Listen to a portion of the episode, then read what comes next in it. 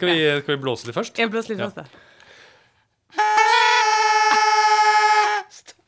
Godt nyttår! Godt nyttår. Ja, velkommen til Vinmonopolets podkast. Nyttårsutgaven. Årets siste. Yes. Så vi har pynta oss med hatter og skal eh, snakke om musserende vin. For det hører jo nyttårsaften til, ikke sant? Det gjør det. Og i studio, da, det må jeg ikke glemme, der sitter jo Anna Stuland og Niklas Lindmark. Og jeg heter Anne Engrav. Tut-tut. Nei, nå skal jeg slutte. Men eh, vi kan jo begynne med Hva er musserende vin? Hva må til for at man skal kunne kalle en vin musserende? Det må jo være noen bobler der, da. Ja. Ja. Enkelt og greit. Og hvordan lager man bobler, eh, Anders? Det er eh, Boblene de lages av jern. Som eh, den spiser sukker, og så promper den CO2. Og det er jo det som er eh, liksom, denne gassen som er boblene i vinen. Det er litt ulike metoder da, for å få eh, Eller få disse CO2-boblene inn i vinen. Mm. Noen ganger så så lar man da, lar man da jern lage denne CO2-en i flaska eh, i en sånn såkalt annengangsgjæring. Det er den metoden som brukes i champagne. Eh, og andre ganger så er det bare sånne store tanker der eh, man liksom stenger igjen tanken, sånn at ikke CO2 får liksom slippe ut. Og da er det, så det er under trykk, og da, er det sånn, da holdes CO2 på plass i vinen. Og så tappes da vinen rett på flaske i et sånt lukket system, sånn at ikke CO2 slipper unna. Men boblene i seg sjøl er ikke så lett å kjenne forskjell på om det er lagd på den ene eller andre måten. Men det er jo andre kanskje, Det går jo an å smake at vinen har vært lagd på de ulike måtene, kanskje? Ja, og hovedforskjellen her er jo ja, hvor lenge jern får lov til å ligge i kontakt med vinen. Og denne champagnemetoden som jeg nevnte først, den innebærer jo altså Lovverket i champagne for eksempel, krever jo at det skal ligge eh, det er vel minst ett og et halvt år eh, på, på dette bunnfallet. Og da brytes disse gjærcellene ned, og så får det noe som heter eh, autolyse. Og det er det som gir dette sånn kjeks og sånn brødbakst og soppaktige aromaene Ja. i, i champagne. da. Og annen vin som er laget etter champagnemetode. Jeg har forresten hørt at autolyse betyr selvdestruksjon. Mm. Det høres ikke så festlig ut da, i en vin som er liksom beregnet på fest. Ja, men det handler kanskje litt om nyttårsforsetter og sånn etter hvert. Ja. ja.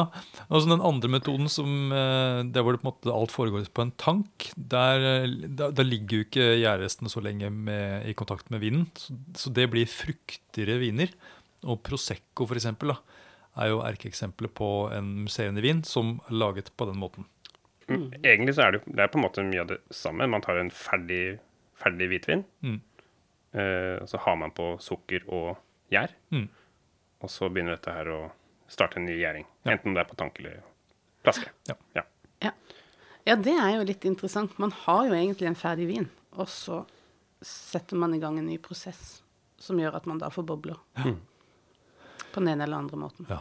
Men jeg vet jo at eh, tanter og onkler, og selv min mor, eh, i, i, de sier jo, gjerne kaller, jeg, kan jo si liksom champagne om all musserende vin, eksempel. Eller at de kan si eh, at de gjerne vil ha en Prosecco, og så tenker de bare på at de vil ha en vin med bobler. At de, liksom, de, de eh, roter sammen disse begrepene. Ja, og da, da vrir du det inn i det. Nei, jeg gjør, jeg gjør jo ikke det, for jeg um, uh, Nei, det, det gjør jeg ikke. Kan ikke forvente at alle har liksom eh, sånn full oversikt over disse tingene. Men vi kan jo kanskje klare dette litt opp, da. Så hvis um, noen tanter og onkler hører på denne podkasten, Ja. og min mor, så kan, så kan du lære litt nå. Fordi det er jo sånn at eh, all, all vin med bobler eh, kalles musserende vin. Og EU har jo et regelverk til og med som sier at det skal være minst tre atmosfærers trykk, tre bar, Mm. eh, trykk i vinen for at det skal kunne være da en musserende vin. Og, så er, og, og da er både champagne og prosecco og cava Alt det er jo musserende vin. De er på en måte i denne store musserende vin-familien. Ja. Og Ja. bare for å ta en sånn øreraskt sidespor, så er det jo også noe som heter perlende vin. Men da er det ikke like høyt trykk, og da er det liksom mer perlende enn full bobling. Ja. Ikke sant? Det er en liten forskjell der også. Men la oss fortsette med museene. Ja, og så er, er det sånn at eh, eksempel Prosecco, det kan bare komme fra Italia og fra Veneto eh, i, i Nord-Italia. Ja. Det er, det, det er eh, Hvis en, en fra Australia eller en engelskmann lager en vin og kaller den for Prosecco, eh, og selger den som det, så, så får han problemer. Ja. For det er på en måte en besky- et beskyttet eh, navn, da. Men det Prosecco-området det sniker seg bitte litt inn i friolja, bare for å pirke litt. Det er, det er sant. Og, og, og det er jo ikke lenge siden de eh, byttet navn på druen. Det var 2006 eller 2009. Ja. Eh, druen het Prosecco før. Eh, og nå byttet de til Glera. Fordi at Prosecco Prosecco-druen kunne vært dyrket eh, egentlig hvor som helst. Og så kunne de da kanskje skrive Prosecco på flasken, uten at det var Prosecco, men det var jo den druen. Så ved å bytte navn så fikk de enda litt mer eierskap til eh, Til Prosecco-navnet. Prosecco-navnet. Ja. Og det er, altså, Prosecco er jo en suksesshistorie når det kommer til markedsføring. Absolutt. Det har jo vært en fantastisk eh, altså det må jo være, Burde jo egentlig sett en film om det. For de har jo fått til fra å være sånn relativt ukjent. Det var jo i sin tid, husker jeg, i min ungdom, da var det liksom Cava som hadde rimelig ioniserende vin. Og så swoosh, så har bare Prosecco kommet og tatt fullstendig over markedet. Nå er det overalt. Det er overalt. Og, og det er en metode som, hvis vi skal skille de to metodene, så er det kanskje en metode som eh, gjør at du kan lage større volumer og raskere og til en billigere penge. Eh, Ja. Det er jo litt av det som gjør at man kanskje får det litt rimeligere. Mm. Og så er det at de, at de er veldig de er fruktige viner. Ja. De, er, eh, de er lette og, og liksom tolke. Du, du kjenner at det er noe sånn pære, pæreaktig og noe sånn blomsteraktig aroma. Ja, Det er enkle viner, kan vi vel si. Ja. Snakker enkelt og tydelig. Og det er eh, lett å kjenne igjen. Det er jo ofte en Eller sånn det skal jeg ikke si eh, Plutselig så blir jeg lurt på det ennå, men, eh, men det, er det har jo ofte sånn liten signatur, den der enkle, tydelige fruktigheten som minner liksom om, om pære og liksom ikke så veldig mye mer. Det er ikke så sammensatte viner. Som gjør at de har liksom en sånn egen signatur. Ja, Og det er jo en trygghet for mange også, å vite hva du får. det er, eh, det er sant. Det er mitt eneste Altså, jeg ah. Kan jeg få lov, til å si at jeg er jo på en måte Jeg, det er, jeg har ikke, altså, litt problemer jeg, jeg kan vel si at jeg har litt problemer med Prosecco, og det er to grunner til det. Det ene er det at eh, jeg klarer ikke å kjenne forskjell på en Prosecco som koster 120 kroner, og en som koster 220. Ja. Men er ikke det litt sånn gode nyheter, da? Jo, på en måte, men det er jo også litt, litt frustrerende, fordi eh, i Prosecco nå så har de eh, klassifisert noen områder i det som kalles for rive. De har, eh, som, som da på en måte blir en sånn Premier Crew-status i Prosecco-området. Og der, de sier at det skal da gi en helt, eh, det skal gi bedre kvalitet. Og den beste riven er jo da, heter da Cartizze. Og de vinene koster jo en god del mer. Og allikevel, jeg klarer ikke å kjenne forskjell. Det er på en måte dette der pærefruktigheten som er der, og så er det liksom ikke så mye mer. Nei. Det, Det blir du irritert på. Jeg blir litt irritert. Ja. Jeg kjenner at det, da, da handler det mest om markedsføring. Ja. Og det er greit nok. Eh, og noen ganger så er det liksom flasker som, i, som er gull, eller at det er fancy flasker. Og det koster Prosecco mer, Ja. uten at den smaker noe mer spennende av den grunn. Men det, Jo, men det, det- ja. det lages også Prosecco på uh, tradisjonell metode, og på den eh, en annen metode også. Uh, så hvor det gjerne står uh, Colfondo på flaska. Ja. Og de som står Colfondo på, kan kanskje være hakket mer spennende Proseccoer enn eh, Ja, da er kommer det litt flere, ja. flere aromaer. Det er. Ligger det igjen litt sånn gjærrester igjen i flasken også, som gjør det litt mer komplekst. Og kanskje det er såpass nytt, dette her med disse rivende, altså disse eh, utvalgte områdene i Prosecco, at de ennå ikke helt har funnet ut av det hvordan de skal få det til. Kanskje det vil bli større forskjell etter hvert. Vet ikke. Eh, Det kan jo være. det kan jo være. ja. Men Eh, skal vi ta- jeg vil gjerne si mitt andre ankepunkt mot Prosecco. Ok. Disser Prosecco. Det er jo at jeg syns det er veldig vanskelig å få det til å passe til mat. Ja. Eh, fordi den der smaken av sånn pæredrops og fruktcocktail, det blir veldig fremmed i de fleste matretter, syns jeg. Det er veldig sjelden at jeg tenker at mm, her hadde det vært godt med eh, fruktcocktail eller pæredrops til, til maten. Jeg, jeg, jeg beklager. Ja. Jeg, mm, Jo, eh, vi har jo prøvd det i en del eh, sammenhenger òg, og, og det er jo ofte sånn at den Proseccoen blir liggende litt sånn på utsida av maten, at den er liksom i sånn litt sitt eget sånn aromalandskap. Og, og i de tilfellene den passer best, det er jo liksom sånne derre um, matretter som ikke er så veldig aromatiske, og som er preget av ferske ingredienser, som ikke er så varmebehandla. Og, og, og at det kanskje er en sånn sommerfenomen, at den da hvis den er iskald og helt avkjølt, så, eh, så fyller det, fyller det noen funksjoner likevel som kanskje ikke går på det der gastronomiske eh, dypdykket, at du får noe ut av det, men eh, det fins jo andre gleder i livet også. du mener at jeg er litt for fin på det? Jeg syns du er litt jålete nå. Ja. Okay. På, på, på en, en et torg i Venezia på sommeren og i isglass eh, Prosecco, så tror jeg til og med du hadde vært fornøyd. Kanskje. Og så er det veldig godt å bruke i mimosa. Ja, og det er jo eh, Prosecco brukes jo en del i sånne aperitiffdrinker. Mm. Eh, sånne sprits og eh, Bellini og, og mimosa og en del sånne ting. Som har blitt veldig, veldig populært. Det er klart eh, Ja, det har også bidratt til å styrke Proseccoens eh, Skal vi gå videre før eh, Anders blir sur? Nei, jeg er, jeg er faktisk allerede litt sur. Eh, Det er litt trist, siden det handler om nyttårsaften og feiring og sånt. Men, men jeg tenker at nå, nå er jeg først er i mitt sure hjørne, så kan jeg også lange ut mot eh, cava. ja, for det er neste på lista. Men, men cava er jo laget på samme måte som eh, champagne, Anders. Ja, men det hjelper ikke. Eh, For eh, altså, cava det er, jo, det er jo den spanske musserende vinen. Og, eh, så den, altså, det kan ikke, du kan ikke selge cava som ikke kommer fra Spania, f.eks. Det er også et sånt knyttet til et lovverk. Ja. Mm.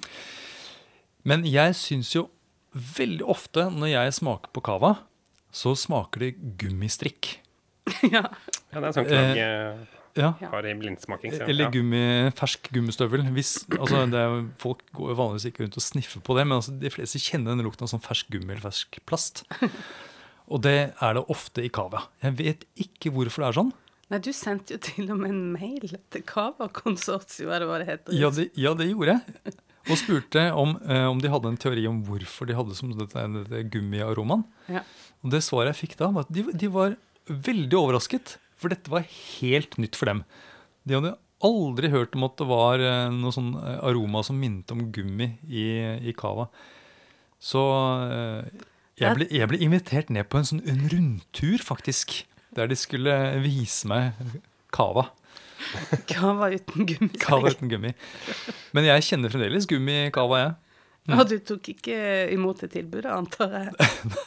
jeg gjorde, jeg gjorde hva tror du er årsaken til at Kavan får denne gummi... Eh, Ja, nei, jeg tror at det henger sammen med at de høster Det er, det er varmt, varmere klima i Spania enn i Champagne f.eks. Og for å få friskhet nok i, eh, i vinen, så må de høste druene ganske tidlig. Og jeg tror at druene er både litt sånn undermodne og kanskje litt sånn fattige på næring for jern. Jeg tror det er, handler om reduktivitet, rett og slett. Det er liksom noe sånn gjærstress involvert i uh, cavaproduksjon. Det er litt pussig at det er så uh, knytta til et område. Nå har vi kanskje kjent i et par eh, champagner også eh, Mm. ved noen anledninger, men, eh, men det er veldig sånn her betegnende for cava som stil. Ja, og da kan man liksom begynne å tenke sånn eh, Når det da er en sånn markør for cava. Skal man si at det, at det handler om terroir, at det er liksom noe som er typisk? At, at, jeg kanskje heller bør sette pris på det? Jeg Eh, kanskje du skal tenke jeg skal, nok. jeg, jeg, skal, jeg skal vurdere det. Jeg skal ha det som et nyttårsforsett. At jeg skal vurdere eh, om måte, gummistrikken skal være noe typisk. eh, Noe mer enn et problem. Men jeg syns jo at cava eh, viser jo større forskjeller enn det vi var inne på i Prosecco. Der er det jo et større Ja, spekter. Det er et godt poeng. Og det er lagd på en mye mer sånn håndverksmessig måte, så det er jo et sånn skikkelig arbeid som ligger bak. Mm. Og her får jo eh, dette bunnfalljæren ligge litt sammen med vinen, og det er liksom Her I Cava så er minstekravet er vel ni måneder. Ja, det er noe sånn. Ja, Og champagne er vel 15. Minstekravet. Men Ja. det er jo ofte langt, langt lenger. Og det, det kan det være i Cava også. Det kan være, ligge mange, mange, mange, mange, mange måneder på bunnfall. Men vi sammenligner ofte Cava med, mot champagne. Altså, Cava koster jo fra en hundrings uh, I hvert fall det vi har i sortimentet, er jo sånn 100 til 180 ish. Eh, har, har du drukket Cava som er liksom i champagnesjiktet, sånn 400-500 kroner? Er, ja. det, er det fortsatt gummi? Nei, fordi det som ofte skjer med de veldig dyrere cavaene, er at de har ligget veldig lenge på dette bunnfallet. Mm. Så de har jo mer av det derre bakstepreget, og kanskje litt mer preg av sånn noe oksidert eller en sånt utviklingspreg da, som kommer, i, kommer i musserende vin og hvitvin. Det Eh, og det, og det overskygger litt av dette gummipreget. Så det, mm, men sånn, den vanlige cavaen, der er det gummi. Mm. Og jeg er, jeg er ikke så glad i gummi. Skal vi gå til eh, Frankrike, da? Ja, Men Der lager de jo også musserende vin. Det er jo kanskje forbildet for de fleste museene vinmakerne. Men vi kan jo begynne med den liksom eh, I Frankrike, hvis man sier kremant, så betyr det jo egentlig bare musserende. Mm, Og, eh, så det er jo ikke all fransk musserende som er champagne heller. Når det bare står kremant, så er det jo da en musserende vin som ikke er fra champagne. de fleste vinområder i Frankrike har jo på en måte en kremant. Du har Ja. liksom, sånn hovedområdene. da. Sånn Kremant eh, Bordeaux, Kremant d'Alsace og Loire har, og Jura. Jura som et eh, mindre område. Og, ja, og Limo. Limoux, ja. Så det finnes mange kremanter. Men Ja. felles for dem er at de alle er laget på champagnemetoden. Ja. Ikke sant? Yes. Ja. Eller tradisjonell metode. Ja. Ja. Mm. så det er jo den, eh, det med at du har den eh, ferdige vinen som da gjærer andre ganger inn i flaska. Nå kjenner jeg at jeg begynner å bli litt bedre humør. Ja, og du er blitt så konservativ på dine gamle dager. Du må liksom til Frankrike Ja, det er før du blir blid. Jeg må i hvert fall nordover.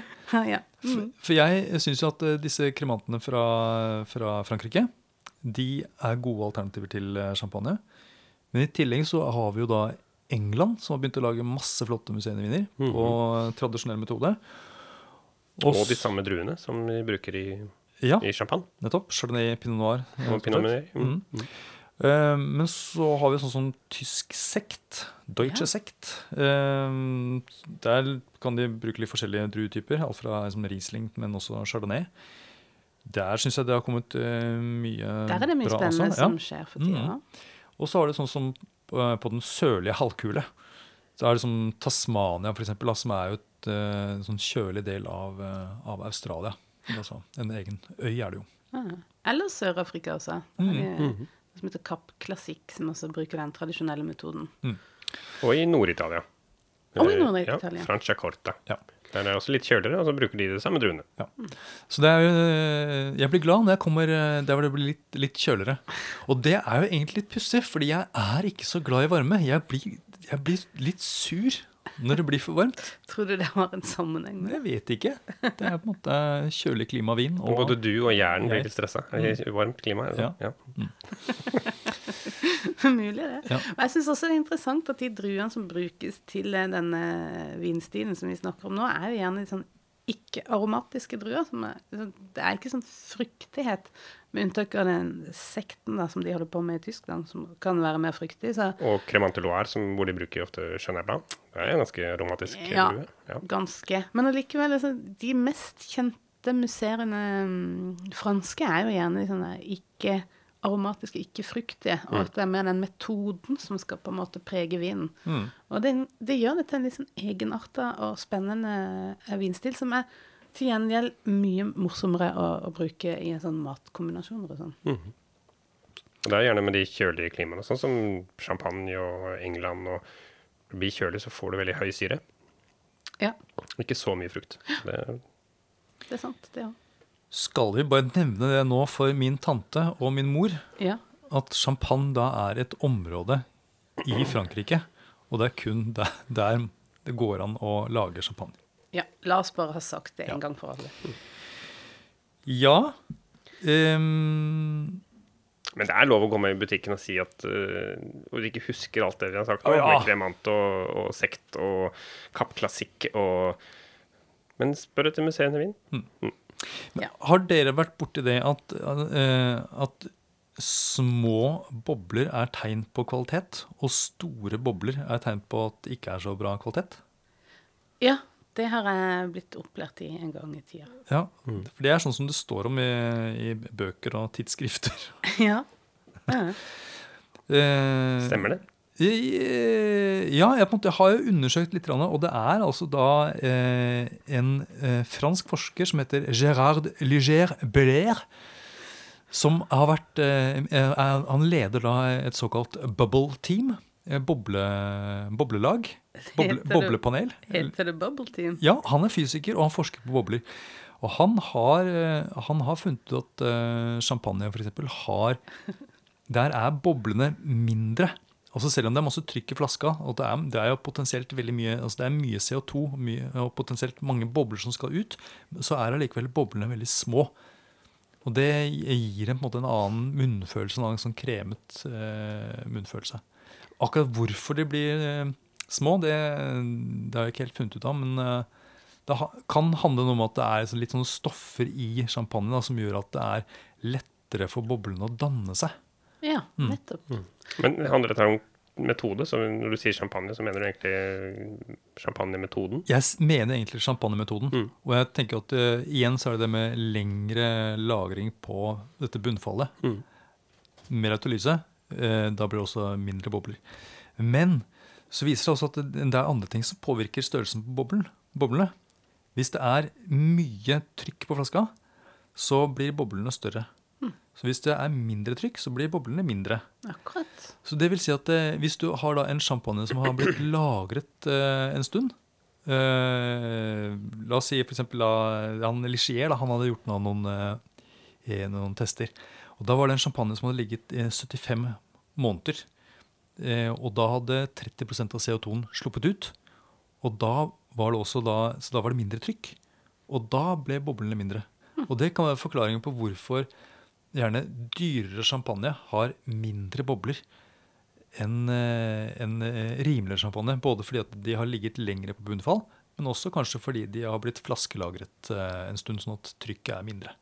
Så eh, hvis man da lagrer champagne i kjelleren, så vil man oppleve at det blir færre og mindre bobler. Ja. Og det er helt riktig. Mm. Sånn skal det være. Vet du omtrent hvor mange bobler det er i en flaske med champagne? Ehm, jeg antar at du vet det, men jeg vil gjette en ehm, eh, fem millioner. Det er mange. Sier 20. Ja. Det er 100 millioner bobler er inne i denne champagneflaska. En er vanlig champagneflaske. Kan, kan jeg tro på dette tallet? Ja, det er altså The, the, the Bubble Team som Som har funnet ut dette her. Mm. Ja, så, sånn er det. Ja, og det, eh, ja, det er, jeg elsker å få tall på ting, men jeg er usikker på hva jeg egentlig skal bruke det til. Nei, det er jo en, Fun facts på nyttårsaften. det er litt morsomt. det. Men, ja, det er litt morsomt. Og så um, eh, er det jo også litt interessant det med at boblene finnes jo ikke inni flaska. Når korken er på, så bobler jo ikke vinen. Nei. Det syns jeg er sånn eh, litt sånn eh, Hvis du ikke hører at treet faller, lager du da lyd? Ja, fordi boblene er på en måte da bare de er inni, inni vinen. De har ikke vist seg ennå. Og så på en måte kommer de De vokser ut når, de, når trykket forsvinner. Ja. Så liksom, ja. Og de treffer noe som gir motstand. Mm. Fascinerende. Men uh, siden det er forskjell da, Mm. på disse metodene uh, Hvis jeg hadde tatt det blindt på dere nå, blindsmaking, hadde du smakt forskjell, tror du? På, På en Prosecco og en champagne? Ja, hvis jeg hadde Prosecco, å, jeg. å smake Ja, du gjør, jeg vet jo at du gjør det. det ville, det, ville jeg klart. Burde det, siden du har vært så Ja. streng. Men uh, jeg har en liten utfordring til dere. Ja. Jeg har et lite lydklipp, så jeg lurte på om vi skulle prøve å Om dere kan høre forskjell på Prosecco og champagne. OK. Høre boble, I en skjenking i et glass. Akkurat.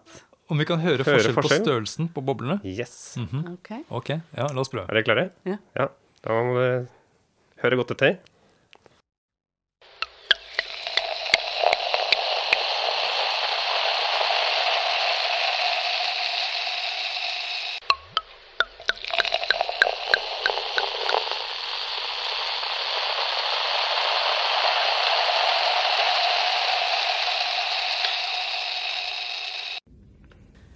Ja, hva tror dere, Anders og Anne? Var det vin nummer én eller vin nummer to som eh, var eh, champagne? Mm, ja. Eh, jeg vet ikke helt hva jeg skal eh, koble det til, men det var akkurat som jeg syns jeg hørte at de der, den første klippet Da følte jeg at det var liksom sånn mindre popler. jeg klarer ikke å forklare hvorfor. Jeg Nei. tror det er vin nummer én er champagne. Og jeg eh, tror også at det er vin nummer én som er champagne. Ja. Og det er fordi jeg altså har på en måte eh, dette bobleteamet. De har nemlig også senket mikrofoner nede i champagne Ja. og i vin og lyttet på boblene. Og det de hadde funnet ut, var at eh, med store bobler så blir det en mørkere lyd. Altså, mens det blir mer eh, høyfrekvent lyd med mindre bobler. Altså som, nesten som bjeller. Altså store bjeller. Dong, dong, dong. Mens små bjeller ding, ding, ding, ding, ding. Og jeg syns at det var en Mer bjeller i nummer én? mer s- s- min, små bjeller i nummer én. Ja. Det er nummer to. Er det nummer to? Det er nummer to. Glem de bjellene. Det er Prosecco du vil ha.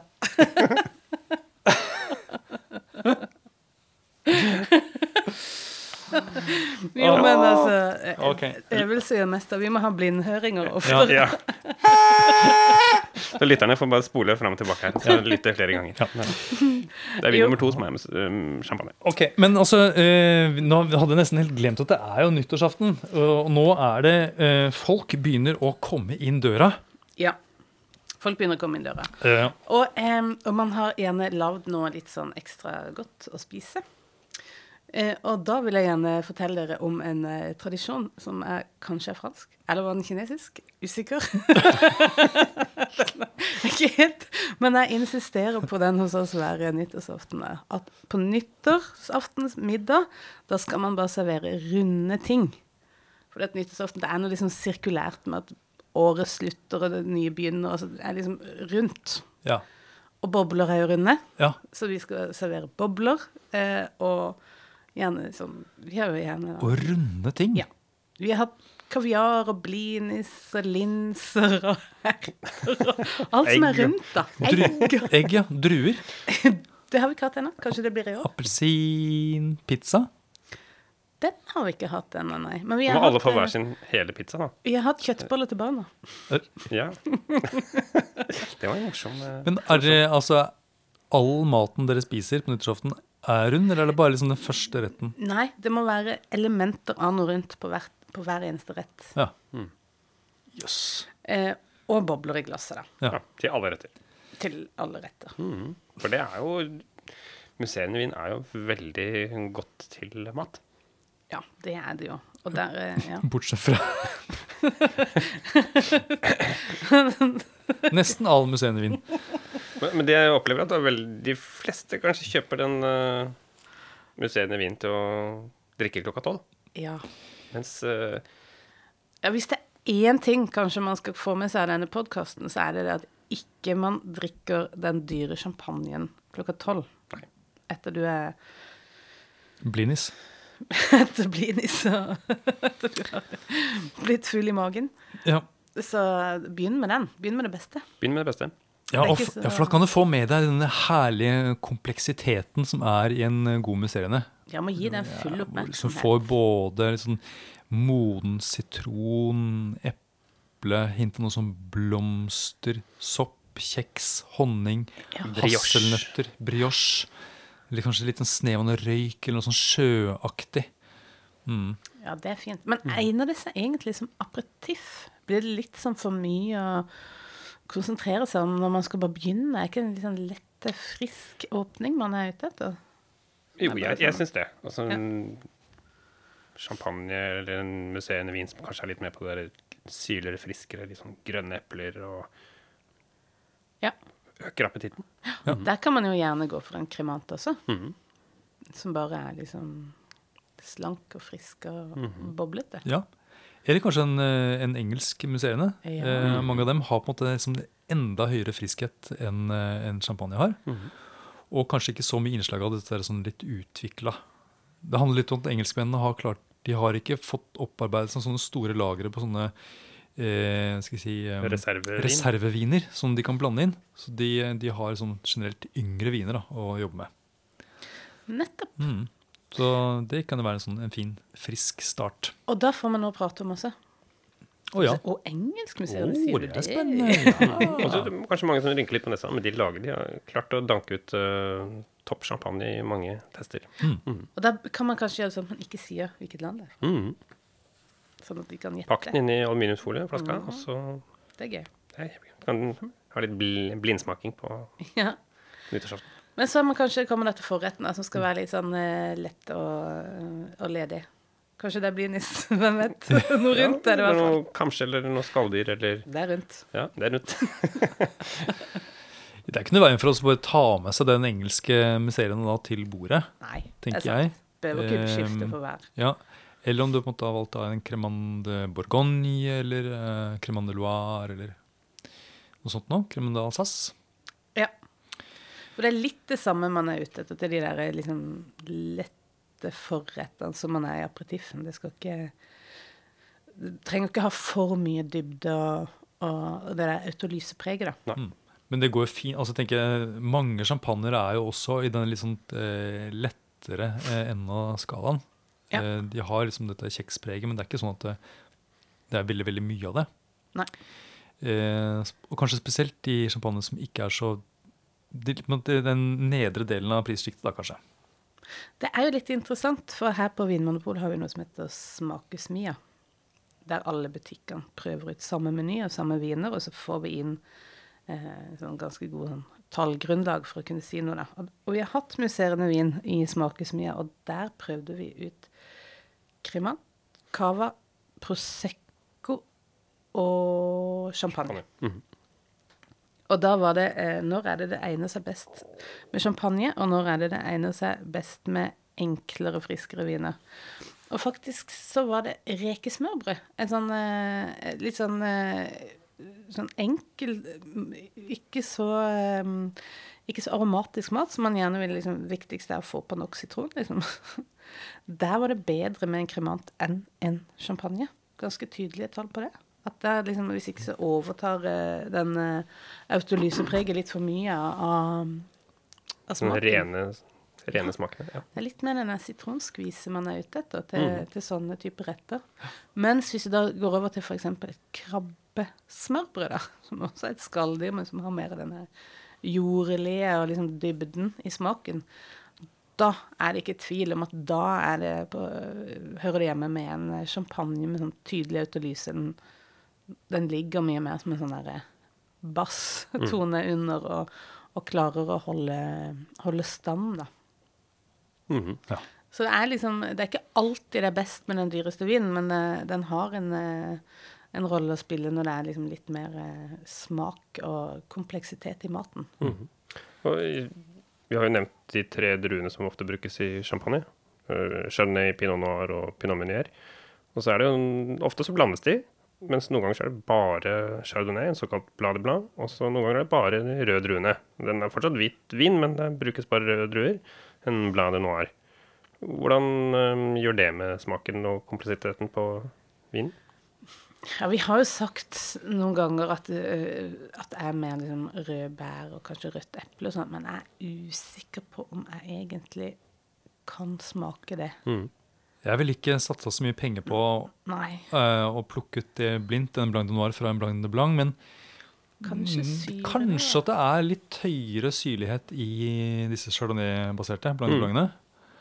Eh, og, og at det er noe litt ikke en så hva skal jeg si, ikke så transparent og fokusert fruktighet heller i blanc de noir, men at det er noe litt mer sånn noe som minner noe mer som moden, moden frukt, og ikke disse her sånn Litt sånn rike klare sitrusaromaene. Mm. Hvis jeg skal driste meg da, til Ja. å liksom synse litt. I champagne så var de veldig tydelige på at blanc de noir, det brukte de til eh, vilt.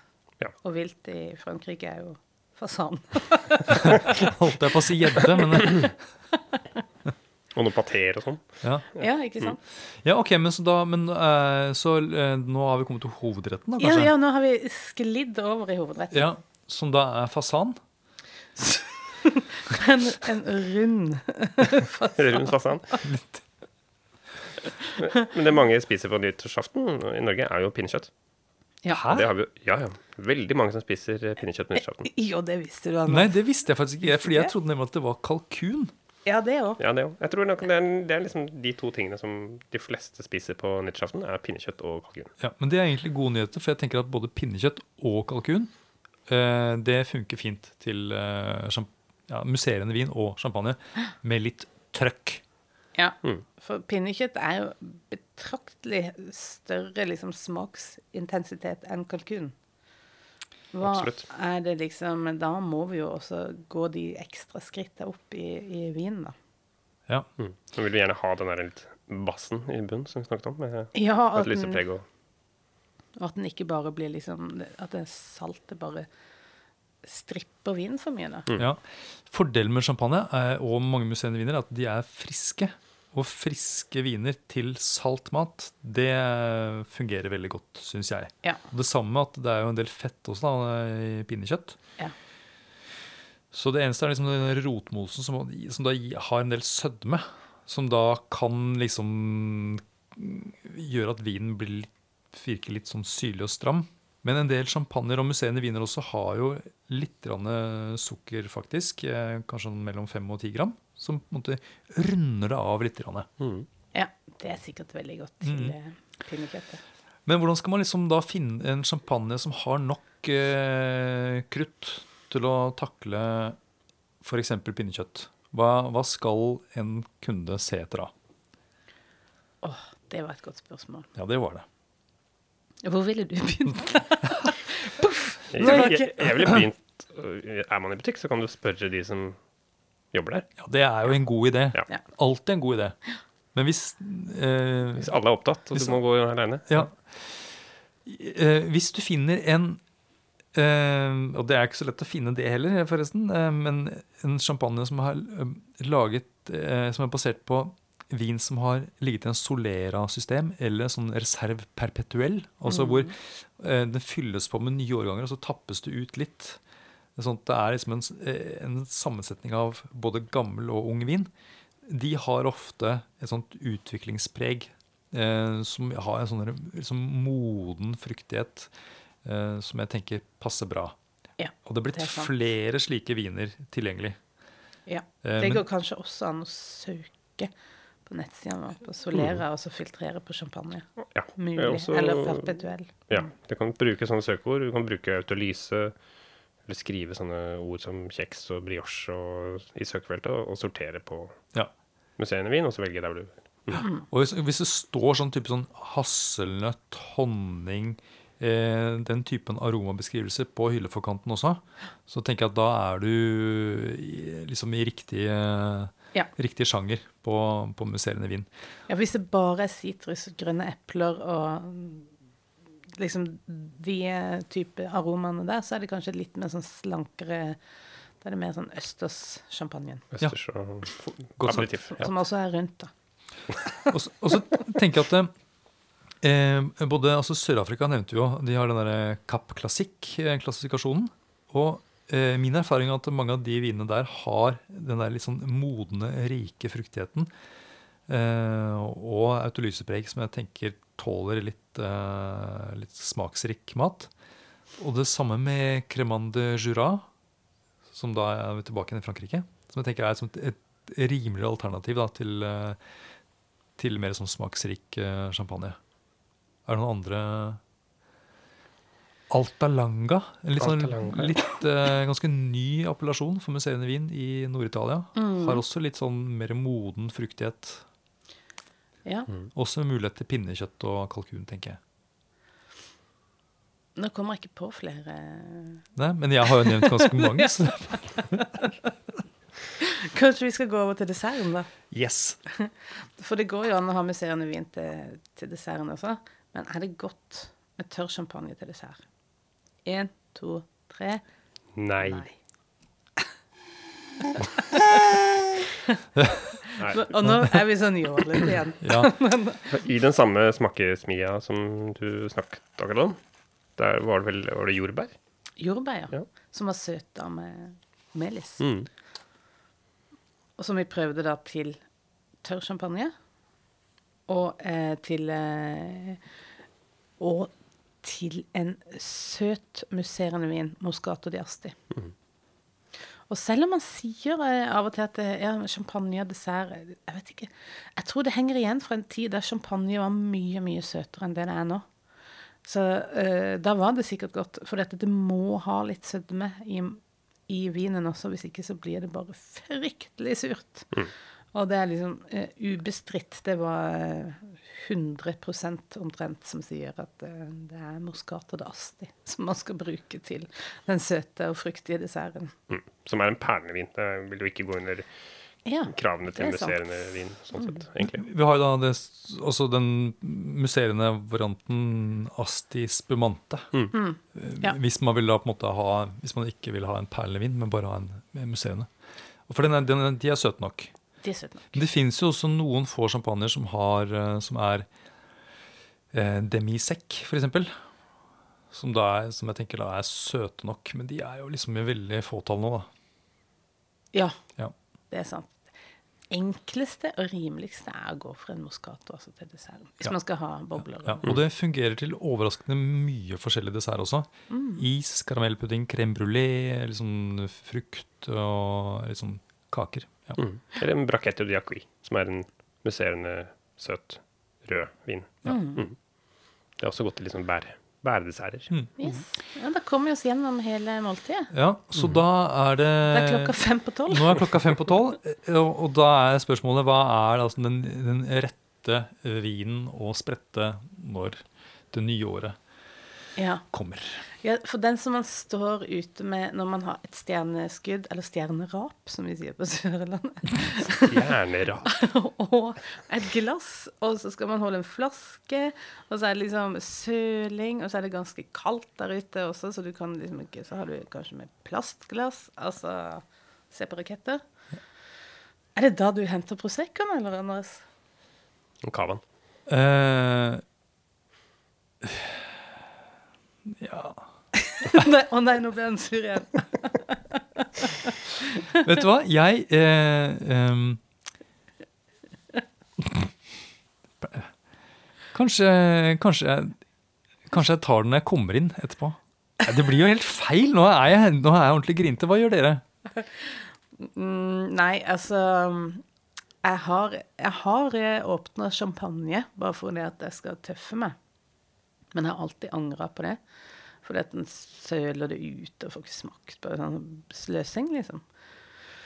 Så jeg åpner det med sånn kremant. Kanskje en litt fin etikett. Hvis jeg kan være litt sånn. Jeg pleier å sable champagne på klokken tolv. Gjør du det? Nei, jeg gjør ikke det. Nei, jeg tar sånn kremant. Ja, det gjør det. Hvis ikke jeg er alene med kona da, klokka tolv. Ja, for da sitter dere Inne. inne og er siviliserte. Ja. ja.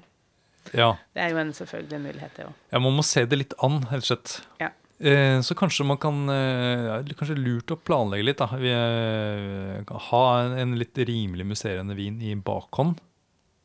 Eh, sånn at dere har noe å sprette klokka tolv. Ja. Mm. Og det går jo an å bare ta med seg Moscatoen fra desserten også ut, hvis Ja, man vil det. Man må jo ikke åpne en ny flaske. Nei. Nei. Og kjenner at det, på en måte, det er, eh, at det har blitt litt mye, så fins det jo også ah, faktisk eh, alkoholfri musserende vin også. Ja, den er god. Mhm. De er gode. Det kan være en, eh, en fin eh, start på det nye året. Det kan egentlig det. Mm.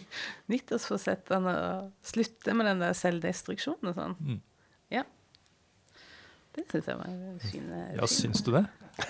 Litt, litt trist og surt grinebitete. kanskje. ja. Nei, men altså, det viktigste er altså man må, eh, vi- vi må passe på hverandre. Ja, ja. Ja, eh, ta det litt med ro og sånt nå. Og så er det viktig å, å kose seg. Og så kan man også være litt jålete på, på nyttårsaften. Men hvis, ikke, vi, vi, hvis vi ikke rakk polet, da, og har hvitvin, kan man bruke en so SodaStream? Vet du hva, Det var det en her som prøvde, en kollega av meg. ja.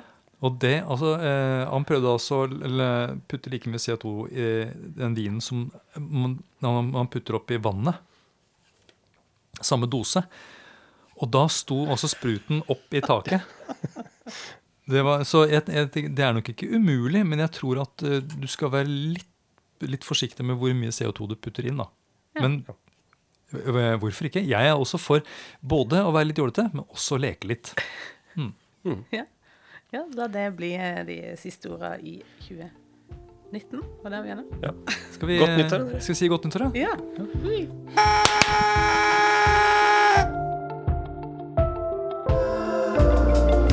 Takk for at du hører på Vinmonopolets podkast. Har du forslag til et tema i podkasten? Send mail til podkast at vinmonopolet.no. I tillegg svarer kundesenteret deg på e-post, chat og telefon.